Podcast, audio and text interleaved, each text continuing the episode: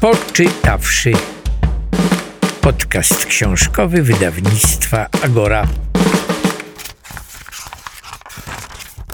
Cieszę się bardzo, że mogę do Was mówić, e, drodzy czytelnicy. Ja się nazywam Agata Pasent, a naprzeciwko mnie siedzi autorka, pisarka, felietonistka, a pomiędzy nami łączy nas e, książka Mademoiselka, powieść Grażyna Plebanek. Dzień dobry. Dzień dobry.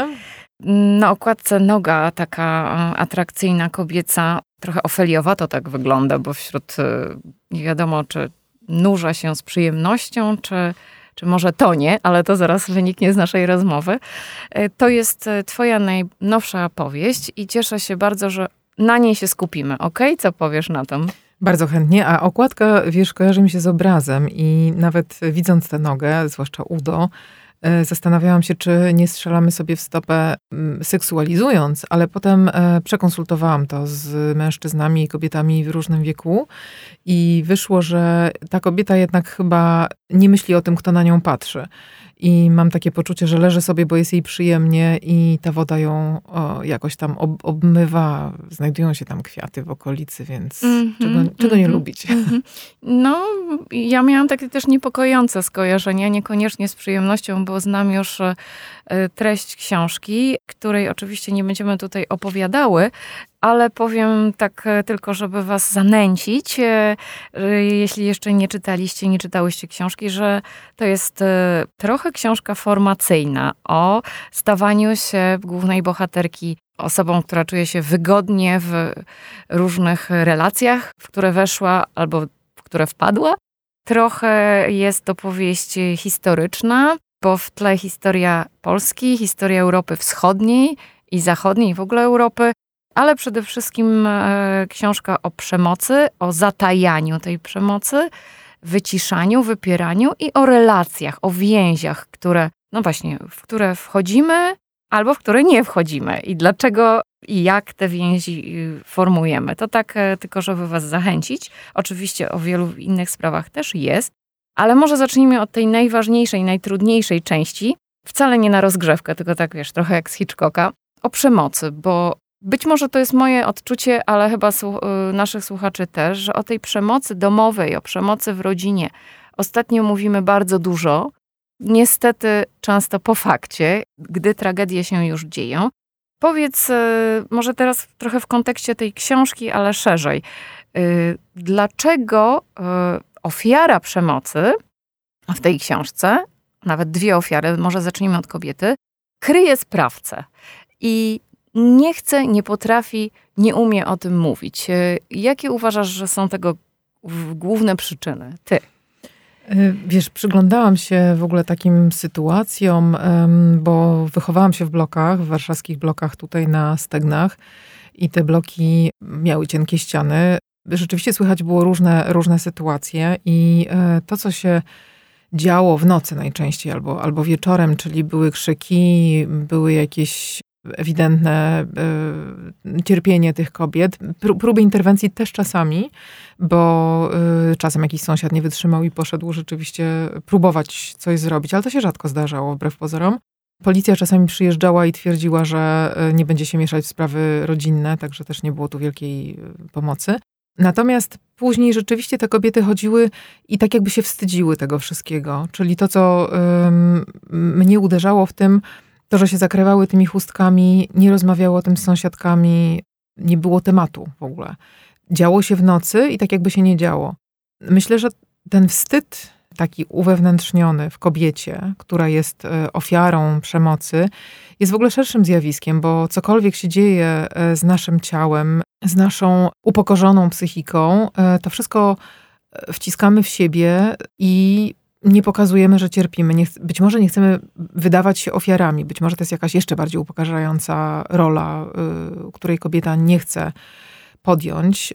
No i jest ten patriarchalny porządek, który po pierwsze dawał przyzwolenie na tego typu sytuacje, bo daje. Daje, chyba mhm. nadal niestety, bo wiesz, wystarczy przeczytać chłopów którzy sytuację sprzed 100 lat, co prawda na wsi opisywali, no ale tam się wszyscy biją. Z, y, znaczy chłop, który, który ma władzę, bije wszystkich. Bije żony, bije dzieci, bije parobków, zwierzęta.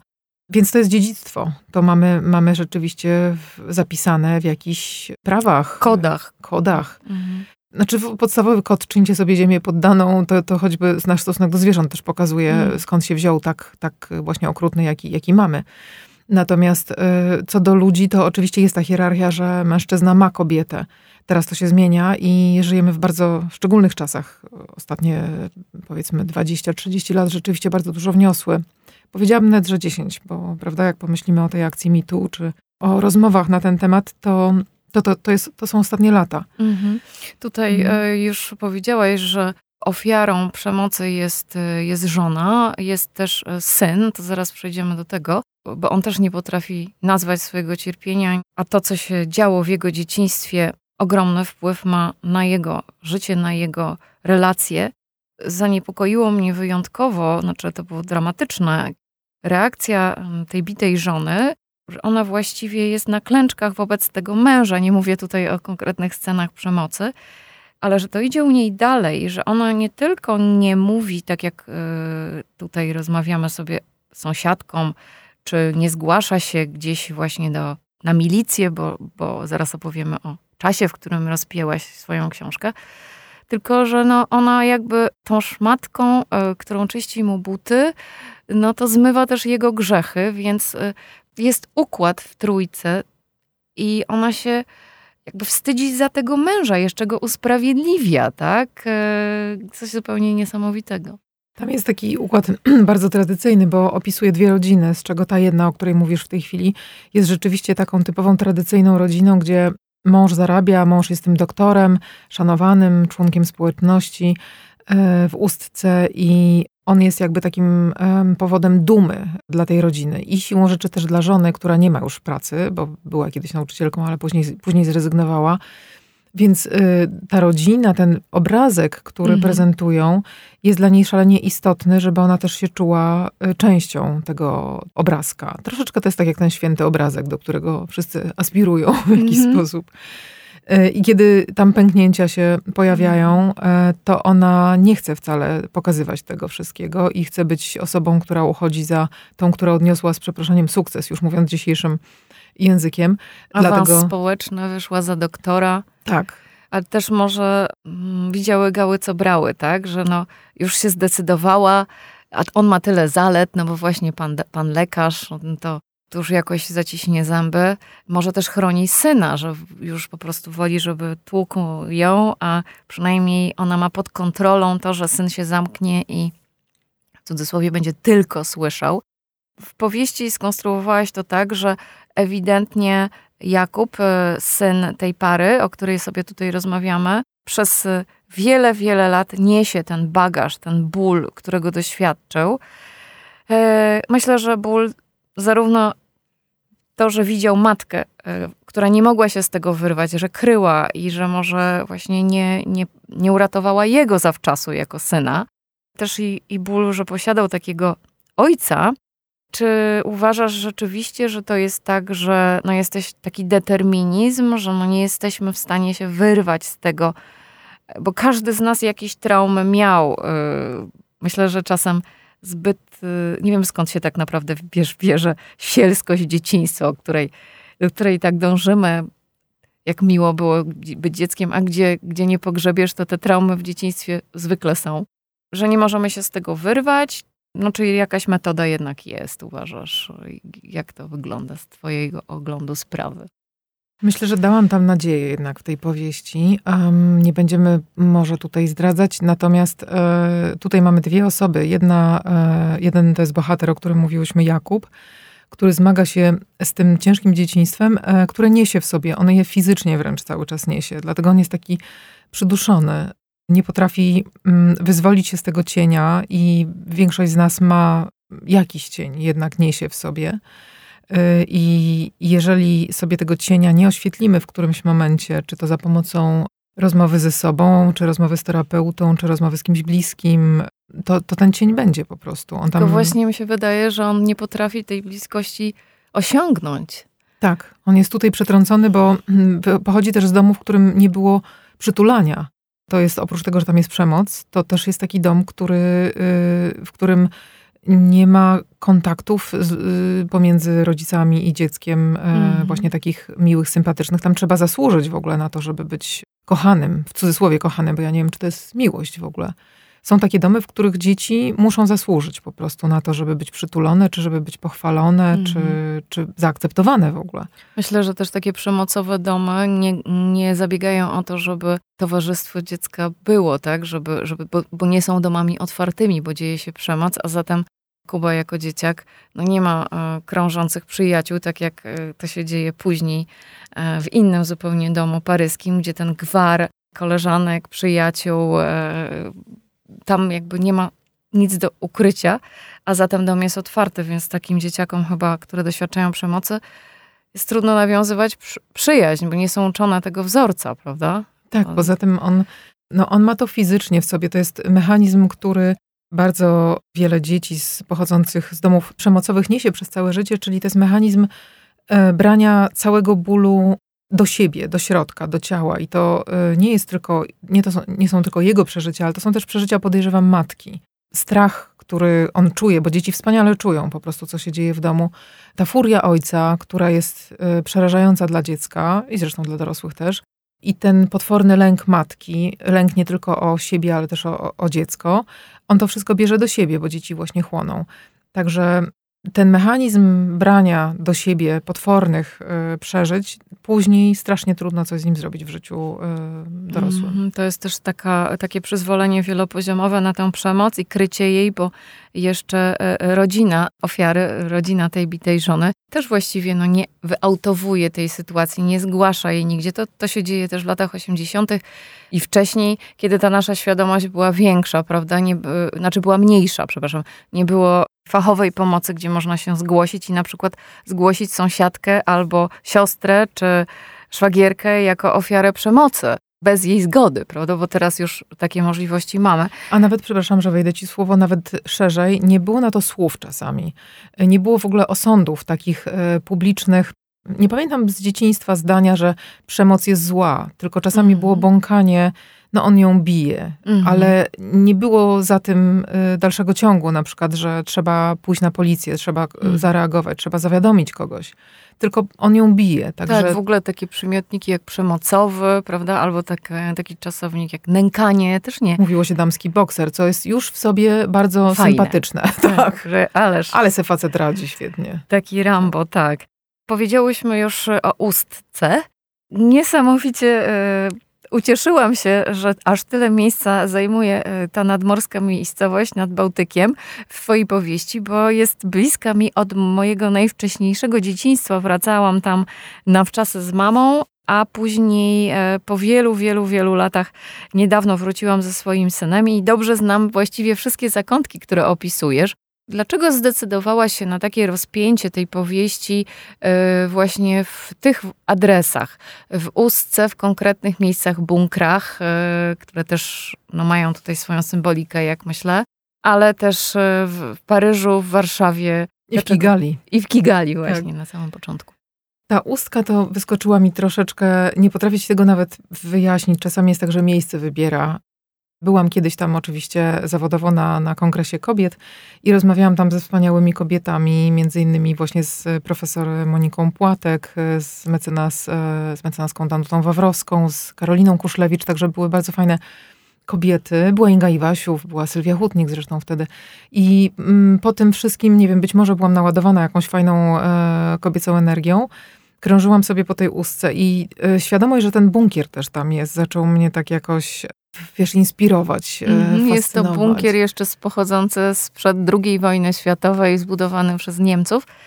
E, taki, który no, miał bronić wybrzeża od strony morza. Tak, A czy ty go pamiętasz z dzieciństwa, jak tam jeździłaś? Czy, bo ja słyszałam, że on dopiero teraz został uznany za taką atrakcję turystyczną i został od, yy, odrestaurowany, nie wiem jak to powiedzieć, no, taki przystosowany do oglądania. Teraz został przystosowany, yy, no bo tamta strona jeśli słuchają nas osoby, które znają Ustkę, e, Ustka podzielona jest e, rzeką Słupią, tak e, można w skrócie powiedzieć na dwie strony, wschodnią i zachodnią. Ta strona mniej turystyczna była dość ogrodzona, bo to były tereny właśnie wojskowe i milicyjne, różne ośrodki, także trudno się tam było przedostać.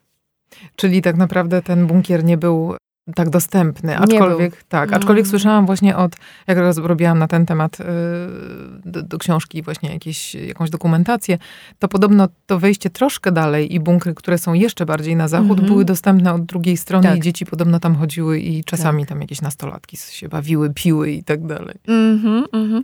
To już wiemy, dlaczego Ustka, dlaczego Kigali i Paryż. Ja mam oczywiście straszliwą miętę do Paryża. Znaczy, mieszkam w Brukseli od, y, od 18 lat, ale Paryż jest y, rzut beretem, tak naprawdę półtorej godziny pociągiem.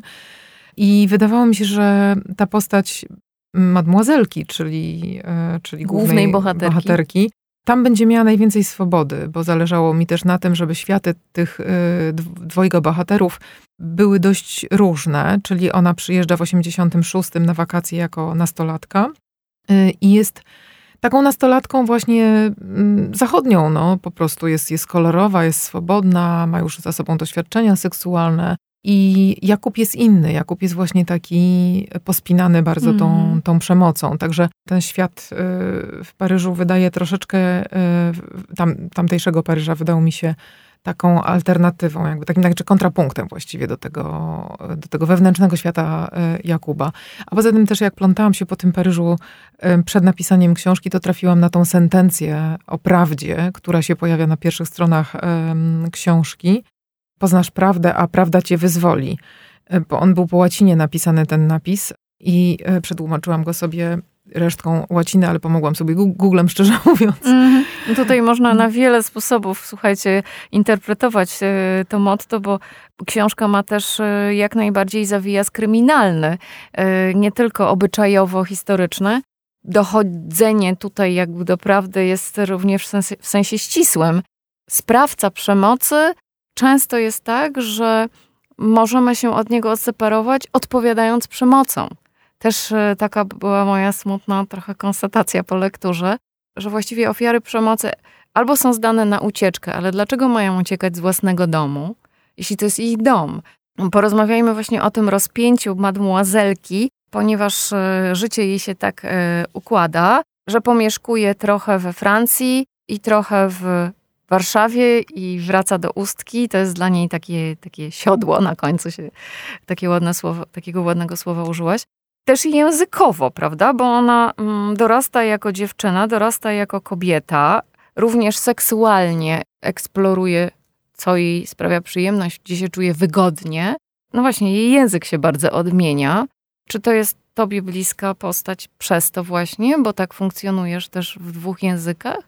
Wiesz, jestem inaczej językowo zbudowana, bo jednak spędziłam e, tutaj e, i młodość, i wczesną dorosłość e, w Polsce. Francuski jest moim drugim lub trzecim językiem, natomiast w przypadku bohaterki ona te dwa języki ma praktycznie równolegle, z przewagą jednego lub drugiego w zależności od tego, gdzie się znajduje. Także to jest troszeczkę inaczej zbudowana tożsamość niż, niż moja. Ale też miewam, dała mi różne moje obserwacje, na przykład takie, że kiedy mm, przyjeżdża się na przykład, y, tak jak przyjeżdżam po jakimś czasie do Polski i próbuję zorientować się, właśnie wejść w rozmowy, to okazuje się, że czegoś nie wiem, bo to coś się działo. Ja oczywiście widziałam te rzeczy, no dzisiaj no, można zobaczyć na Facebooku, jeżeli to są jakieś rzeczy pomiędzy znajomymi, ale nie było mnie wtedy mm i y, jest takie coś, jakbym um, takie poczucie, jakbym była trochę niekompletna, jakbym coś straciła, nie przynależę w tym momencie aż tak bardzo do tego świata i ktoś mi potrafi w żartach powiedzieć, oj tak, ty już jesteś Belgijką. W Belgii wszyscy uważają, że jestem Polką, także te, tego typu podwójność jest um, jakby przypisana chyba do takiej ścieżki życiowej, którą wybrałam. Ale ta podwójność jest też e, w jej relacjach, bo teraz o tych więziach chciałam powiedzieć, bo oczywiście Pewnie już y, wiecie, że no Jakub, y, jako dzieciak, który dorastał w takim domu, a nie innym, pełnym przemocy, bez przytulania, ma kłopoty w wejście, w wchodzenie w relacje, ale zastanawiałam się, na ile ta jej mademoiselki rozpiętość, mad, ona w skrócie y, jest nazywana przez ciebie w książce, też nie powoduje takiego braku przywiązania, ale w takim pozytywnym tego słowa znaczeniu, że ona właśnie jest taka otwarta, jest otwarta na bardzo ciekawe relacje e, damsko-męskie. No i ciało jest otwarte na, na dziecko, na nowe dziecko, też tak może bez spoilerowania. Czy to bardziej powoduje takie wyobcowanie, czy pewną taką wolność może o? Wiesz, imię jest też istotne, bo um, kiedy nazwałam ją mademoiselką, to uświadomiłam sobie, bo mademoiselka jest oczywiście, od, pochodzi od tego, że po francusku panna to jest mademoiselle, więc kiedy ona przyjeżdża do Ustki, ktoś tam sobie przypomina, że właśnie tak to słowo brzmi po francusku i od razu pseudonim do niej się przykleja, czyli spolszczone słowo mademoiselle, mademoiselka. Później zorientowałam się, że tam jest jeszcze angielski kawałek w tym wszystkim, czyli mad. Mad po angielsku oznacza szalona. Mhm. I to, ten, ta szczypta szaleństwa jest w tej postaci. I to jest taka, taki rodzaj e, pozytywnego, wibrującego życiem szaleństwa. Tak, tak to widzę w tej postaci. Nie toksycznego, tylko takiego oryginalnego, patrzącego z boku, gotowego na niestandardowe momenty, powiedzmy sobie, prawda? Tak, przy czym ona wybiera prowadzenie swojego życia tak jak, tak jak ona chce, bo ona wychowała się w, pomiędzy dwoma relacjami, dziadkami a, a rodzicami. Rodzice są bardzo y, fuzyjni, powiedziałabym, są razem sklejeni, tak że właściwie dla niej nie ma tego miejsca. A dziadkowie są takim też stadłem dwojga partnerów, którzy, którzy się wspierają nawzajem. Mm -hmm. Przy czym jej y, nie ciągnie żadna z tych relacji. I to nie jest na zasadzie buntu. To jest po prostu na zasadzie tego, że ona nie potrzebuje tego typu e, związku hetero czy homoseksualnego po prostu nie jest e, zainteresowana. Nie jest tym. też zainteresowana tradycyjnym małżeństwem, a ciekawe jest to, że ona tak świetnie werbalizuje i jest jakby wyczuwa swoje pragnienia i do czego dąży, natomiast właśnie Jakub e, właściwie daje się urabiać tej tradycji i tak zastanawiałam się, że ta prze przemoc jest na wielu poziomach u ciebie w tej powieści, również taka społeczna, rodzinna w takim sensie tradycji, że zauważmy, że w Polsce bardzo dużo mówi się pięknie o tej tradycji. Nie mówię tu, tutaj o naszej wielkiej polskiej niepodległej, tylko bardziej, że te rodzinne tradycje, tak, że no nie wiem, właśnie e, dziadek był szewcem, syn też przejmie warsztat i, i, i, i prawnuczek też. E, matka była, przypuśćmy sobie u mnie, poetką, no to najlepiej, żeby może ja była poetką, żeby syn śpiewał jakieś piosenki i tak dalej. I to się często pokazuje jako coś wspaniałego, nie wiem, trzecie pokolenie lekarzy, czwarte pokolenie adwokatów. A on marzy o czymś zupełnie innym, ale jest przytłoczony tą, tą tradycją, prawda? Tak, natomiast ciekawe... A ona nie. A ona nie. Ona, ona nie ma oporów, bo rzeczywiście na niej się presji nie, wybie, nie wywiera. Natomiast y, to, co tam jest, y, to, co powiedziałaś, bardzo, bardzo ciekawe, mianowicie na poziomie słów oni się różnią. Te, ta dwójka bohaterów. Y, Mad jest świadoma słów. Dziadek ją jakby uczył też, jak bardzo słowa są istotne. I ona zresztą później się staje językoznawczynią, jest specjalistką od słów, mm -hmm. jest specjalistką od propagandy, robi doktorat z tej dziedziny i śledzi właśnie konflikty narodowe też pod kątem języka. Natomiast Jakub tego języka nie ma. I wydaje mi się, że to nie tylko Jakub, ale że większość mężczyzn e, właśnie jeszcze w tym, tych resztkach patriarchalnego porządku po prostu nie jest uczona języka do wyrażania swoich uczuć, e, do opisywania swoich emocji. I to powoduje, że mm, są dużo bardziej bezradni, zakleszczeni po prostu w, w, tą, w tą niemożność. My jako kobiety to umiemy wyrazić. Jakoś bardziej jesteśmy szkolone w rozmowach o tym, co czujemy, czego chcemy, czego nie chcemy. Mężczyźni posiłkują się niestety agresją fizyczną, e, nie umiejąc wyrazić. My czasami posiłkujemy się bierną agresją jakoś próbując się bronić. Także tutaj na poziomie werbalizowania uczuć czy emocji jest mnóstwo do zrobienia w ogóle. Ten obrazek, o którym mówisz, idealny, mm -hmm. to jest coś, co jest przekleństwem poniekąd, bo kiedy się zastanawiałam nad tymi idealnymi rodzinami, które, nie wiem, u Musierowicz być może występują, czy w jakichś takich um, książkach. Panu Tadeuszu może trochę. Tak. Jest panu... tej sielskości. No ale to oczywiście się kończy jakimś braniem za łby. Oczywiście i, jest to tak. ironiczne, tak. tak. Teoretycznie ma to być taka wspaniała wspólnota, rodzina, tak. I ona, i ona nigdzie nie występuje tak mm, naprawdę poza oczywiście. literaturą. Tak samo jak normalna rodzina nigdzie nie występuje, ale to już e, klasyka e, obecnie dziejącej się polityki. Dobrze jest e, narzucać innym model idealnej, normalnej rodziny, ale nikt takowej jeszcze na świecie chyba nie widział. Mówiłaś o tym, że twoja bohaterka staje się y, naukowczynią, badaczką propagandy, badaczką języka, pisze książkę. Między innymi pisze o Leni Riefenstahl. Ona jest rozpięta między kulturą Europy Wschodniej a Europy Zachodniej. Wygląda na to, E, tutaj taka trochę może smutna konstatacja, ale możesz mnie właśnie tutaj wy, wybić z tego, że ludziom Zachodu, z Europy Zachodniej nie da się wytłumaczyć, że nie wiem, ta nasza Europa Wschodnia nie jest jakimś takim tworem niezróżnicowanym, za żelazną kurtyną, yy, strasznym miejscem, wszyscy w jednym worku. Ona próbuje, ale odbija się od, od ściany, tak? Mówi, że rośnie przemoc tutaj, zbliża się wojna. Naukowcy nie chcą jej w ogóle słuchać, tak? tak Machają na to ręką. To jest klasyka. Ta, y, ta, opisujesz właśnie tę scenę, gdzie ona na konferencji po aneksji Krymu e, próbuje zwrócić uwagę na to, co się dzieje z językiem, e, z językiem propagandy e, w Rosji i że ta sytuacja może eskalować.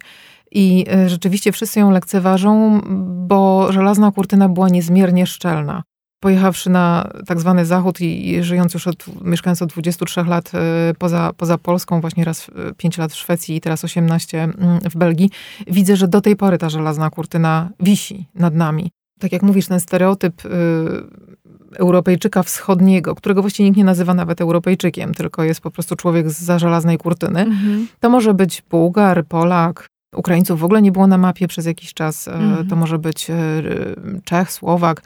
E, myśmy nawet napisały z koleżankami, autorkami, e, wydałyśmy po francusku w zeszłym roku książkę, która jest zbiorem naszych wspomnień z dzieciństwa i z młodości, właśnie z różnych krajów, bo to tam jest e, i Rumunka, i Czeszka, i, i Bułgarka, ja z Polski, no jest nas osiem. I ta książka rzeczywiście się spotyka z takim, we Francji z takim niedowierzaniem, ojej, to to tak było różnie w tych, mhm. to, to wy nie wszyscy cyrylicą y, piszecie i y, padają różne takie stereotypy, które cały czas są obecne. Także moim zdaniem to, co w tej chwili się dobrego dzieje, to jest to, że literatura zaczyna przełamywać, coraz więcej y, zostaje dopuszczonych autorów z Europy właśnie wschodniej. I oni powol, powolutku, ale naprawdę bardzo powolutku zaczynają pokazywać, że za żelazną kurtyną, za Berlinem w ogóle był świat, który był zróżnicowany, było zupełnie inaczej w Jugosławii, zupełnie inaczej było u nas. E, wiemy my to, natomiast tam e, nadal nikt tego nie wie. Królują poza tym stereotypy w każdym kraju jakiegoś Polaka, który sprząta albo, mm. albo nie wiem, podobno... Hydraulikiem. Hydraulikiem jest. Podobno w Berlinie jest w tej chwili lepiej, bo, bo jesteśmy znani również z tego, że potrafimy e, gramotnie coś złożyć do, do kupy i mm. piszemy też. Może i... też informatyczki, informatycy już też przecierają szlaki, bo sporo z Polski wyjeżdża. No ale z drugiej strony my też sporo mamy za uszami, bo na przykład mówimy o Afryce, tak jakby to był po prostu jeden tak. wielki kraj, prawda? Już jak wymienić wszystkie kraje Magrebu, to już by się zrobiło problem. Ale pomyślałam sobie, czytając te sceny właśnie, kiedy ona no nie może przetłumaczyć y, zachodnim przyjaciołom i przyjaciółkom tego niebezpieczeństwa, które nadchodzi, o Ksanie Zabuszko, która też latami przecież była taką, można powiedzieć, Kasandrą. Publikowała swoje fantastyczne eseje o tym, że demokracja jest czymś kruchym, o, o tym właśnie języku propagandy, o tym, żebyśmy patrzyli również na poszczególne republiki, a nie mówili i nie wrzucali wszystkich krajów, a to jedna Rosja, prawda? Bo też właściwie o literaturze ukraińskiej mało się w Polsce mówiło, także to nie, nawet... A i tak się mówiło, bo y, we Francji dopiero Kurkow zaczął mm. być wydawany, czy jest chyba tam od dwóch czy trzech lat. Żadnych innych nazwisk nie widziałam.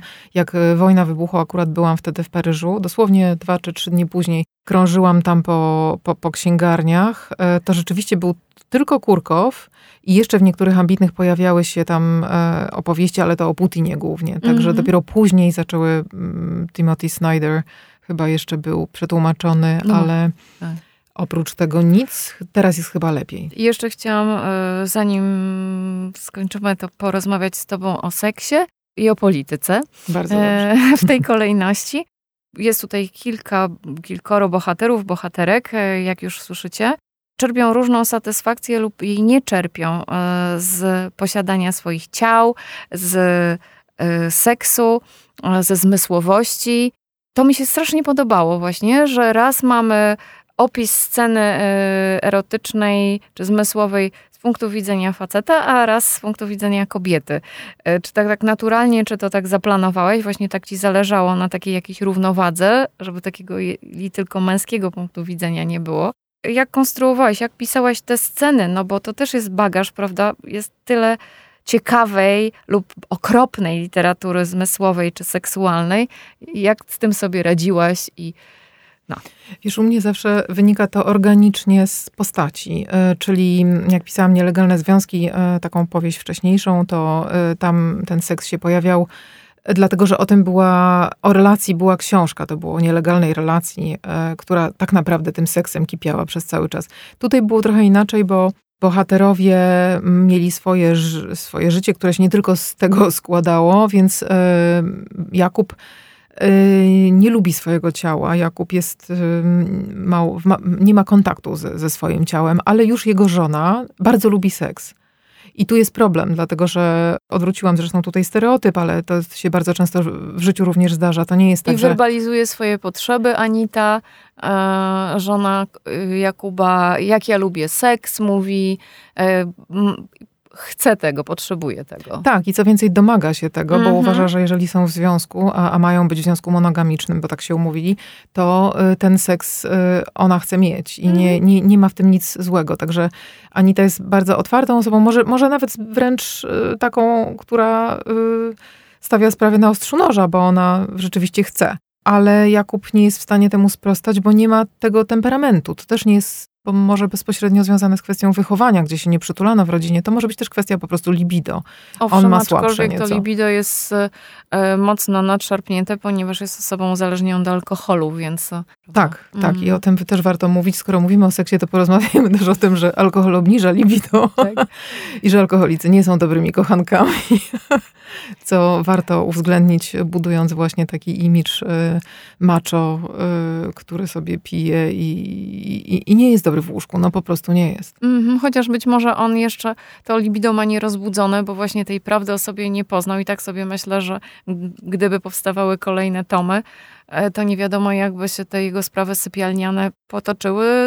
Zwłaszcza, że też mi się wydaje, że on uległ trochę, tak jak uległ tradycji, że musi zostać lekarzem, bo tatuś był i, i mamusia tak oczekuje, to tak trochę też nie potrafi werbalizować swoich potrzeb w tym swoim małżeństwie i tak naprawdę Anita może do końca nie jest tą miłością jego życia, jeśli chodzi o, o o seks, prawda? Nie, nie, to nie jest to, spełnienie jego. Zwłaszcza, że on pod, czu, czuje trochę, że ten seks jest gdzieś i że jest fascynujący, bo ta poprzednia dziewczyna, z którą, z którą był, ona mu daje taki rodzaj niepokoju zwierzęcego, którego ściga później przez lata. Mm -hmm. Gdzieś w nim głęboko tkwi, czyli gdzieś ten jego, ta jego seksualność jest tylko tak jak mówisz, prawdopodobnie tkwi w kleszczach kolejnego konstruktu kulturowego. Tymczasem relacja mademoiselki już zakrawa, jak sama napisałaś, o kazirodztwo, e, bo ta bliskość z jej y, przyjacielem no, jest od dzieciństwa właściwie i no, dają sobie ogromną w pewnym sensie w, właśnie, czy to jest wolność, czy tam jednak jakieś oczekiwania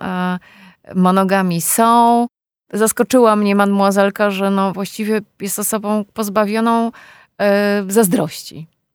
Może ona tą zazdrość ma, tylko też gdzie indziej troszeczkę ją lokuje, bo ona jest takim typem kobiety, która e, okazuje się, że strasznie chciała mieć dzieci. E, o czym nie wiedziała oczywiście wcześniej, bo czasami tak bywa, że mm, dopiero kiedy rodzimy dzieci, to okazuje się, że to jest naprawdę super przygoda E, jeżeli się to odbywa ze właściwym mężczyzną i ma fajne, e, jakby są dobre okoliczności życiowe, to okazuje się, że to jest niesamowita rzecz, właśnie taka zwierzęca, właśnie taka dająca ogromną satysfakcję, poczucie związku z drugą osobą. Choć nie stereotypowym mm, odpowiednim facetem też to nie jest tradycyjny związek, właściwie on jest dość nieobecny. Tak, i chyba jej to w, w, jakimś sensie pasuje. To znaczy, być może, żeby mieć drugie dziecko, tak jak tam e, jest, jest ta, ta, mhm, taki moment, e, oczekiwanie. Mm. Ona by też chciała, żeby on jednak czasami był jej partnerem w życiu, kiedy, ma, kiedy ona ma jakiś słabszy moment, właśnie jako matka, e, żeby, żeby wspomógł. Ale on nie jest tym typem, także relacja jest zbudowana na czymś innym, raczej właśnie na takim instynktownym wyczuciu się, na takiej zwierzęcości, która tam.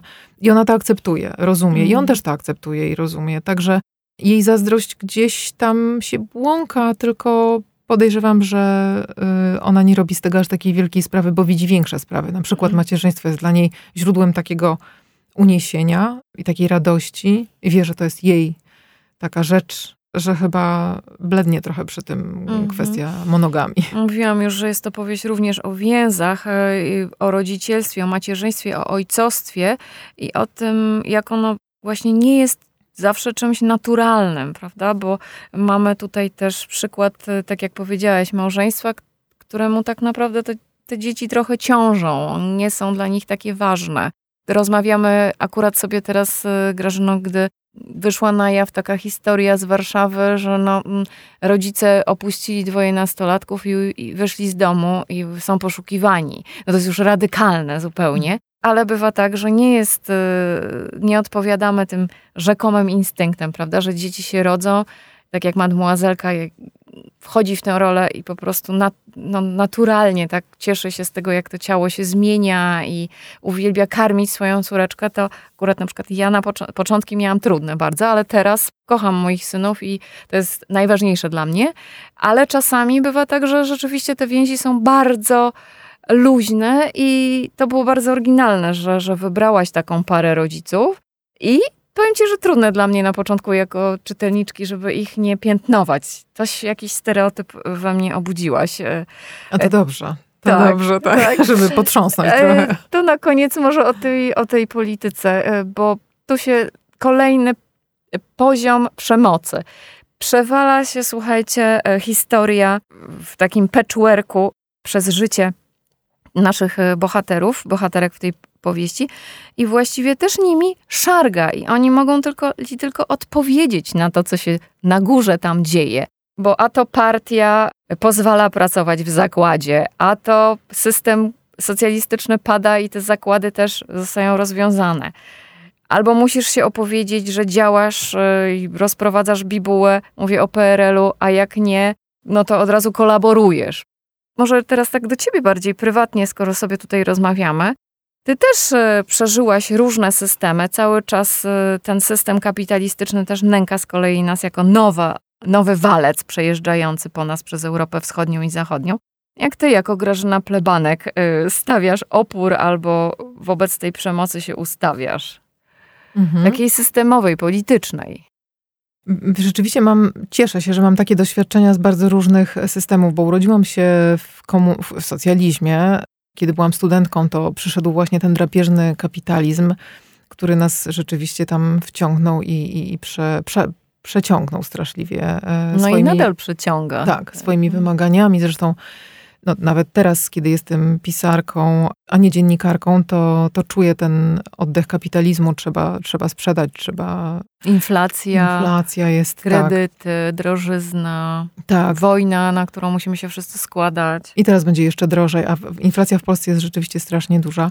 Także nie wiem, czy można cokolwiek z tym zrobić. Można się jakoś tak ustawiać Wiesz, jak się żegluje, to czasami, e, kiedy wiatr jest za duży, to, to trzeba stanąć w łopocie, trzeba puścić trochę tego wiatru. E, I nie uda się uciec niestety od tego. Jak jest burza, to trzeba ją przetrwać. I, i tak jak w tej chwili jest wojna w Ukrainie na przykład, no jest po prostu, nic, mm. nic z tym nie można zrobić. Ja jedyną aktywną taką tutaj postawę dałam, czy może właściwie nie aktywną, tylko obser obserwatorki, to jest y, właśnie Mad, mademoiselka, która obserwuje od strony języka to, co się dzieje. Być może przewiduje pewne rzeczy, próbuje jakoś tam na to reagować. No ale to też jest taka słaba satysfakcja, bo nie możemy się, nie możemy z tym nic zrobić oprócz tego takiego codziennego bycia dobrego, czyli właśnie bycia z dziećmi, bycia z bliskimi. Ale też twoje bohaterki szczególnie reagują elastycznie, chyba bardziej niż mężczyźni. I myślę, że może to jest też takie e, znamienne, jeśli chodzi o Polskę, bo e, ja mieszkam tylko w Stanach Zjednoczonych, w, Europie Zachodniej nie, ale Polki wspaniale e, elastycznie reagują, bo nie chciałabym powiedzieć, że dostosowują się, ale reagują na zmiany historyczne. Zobacz twoje bohaterki. Jedna wyjeżdża za pracą e, na zachód. W PRL-u z kolei modne były różne prywatne inicjatywy, a to ktoś pieczarki w, w ogrodzie hodował, twoja bohaterka kury, jaja. No to jest odpowiedź na tę wielką historię, prawda? Odpowiedź y, wyborem zajęcia no bo właśnie pod tą wielką historią, wiesz, w ujęciu heglowskim, czyli e, wydarzenia historyczne e, z datami, tak naprawdę one są wszystkie wypełnione tą historią, e, którą kobiety jakoś tkają. No i, i, i ludzie, którzy tkają codzienność. Mhm. To się nie odbywa na frontach ta historia, tylko się odbywa na froncie codziennym.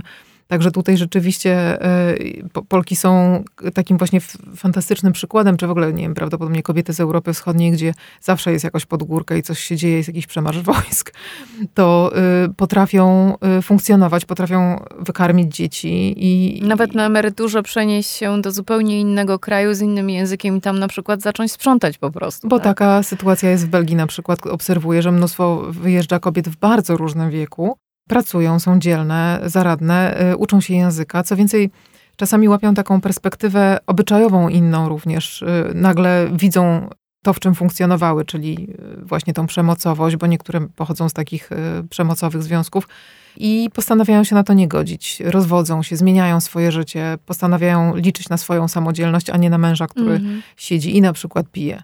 Tak, chociaż czasami wyparcie jest tak silne, że no po prostu ta kula u nogi, u duszy jest tak mocna, że nie da się z niej wyjść. I tutaj mamy też i taki przykład.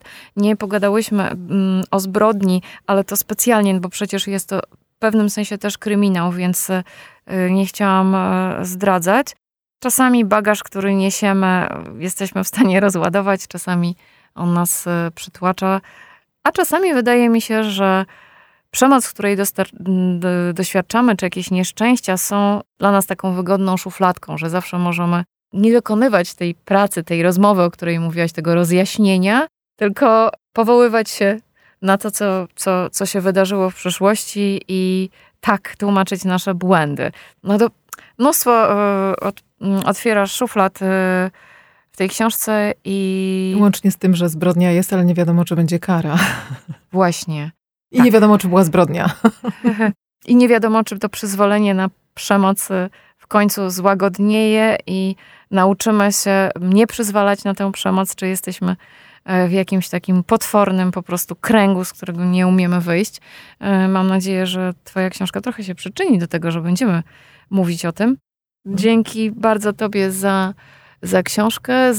Chciałam jeszcze Cię podpytać o pisarzy polskich epoki PRL-u, bo jesteś polonistką z wykształcenia, ale tak naprawdę to musiałobyśmy chyba od, Jeszcze kolejną audycję, audycję zrobić o tak. e, zapomnianych pisarkach i pisarzach epoki PRL, bo coś, taki syndrom zauważyłam. E, trochę nie wracamy do tych e, książek. Tutaj Kłasko się po, pojawia, ale to on jest y, chyba jakoś wiecznie żywy. Nie wiem, tak. czy słusznie, czy niesłusznie. Ja mam do niego dużo uwag. Tak, no on jest takim e. tutaj symbolem wiecznej chłopięcości, tak, maczystow, maczystowskości, czy jak to tak. nazwać, także on tutaj się wpasowuje. W, I takiego glamour picia. Tak, prawda? absolutnie. Mm. Takiego zszargania się, y, które wydaje się być może atrakcyjne y, tym, którzy to robią, ale z zewnątrz nie mm. wygląda to dobrze. Rozmawiałam z Grażyną Plebanek o powieści Mademoiselka, Agata Pasent, życzę Wam wspaniałej lektury. Dziękuję. Poczytawszy. Podcast książkowy wydawnictwa Agora.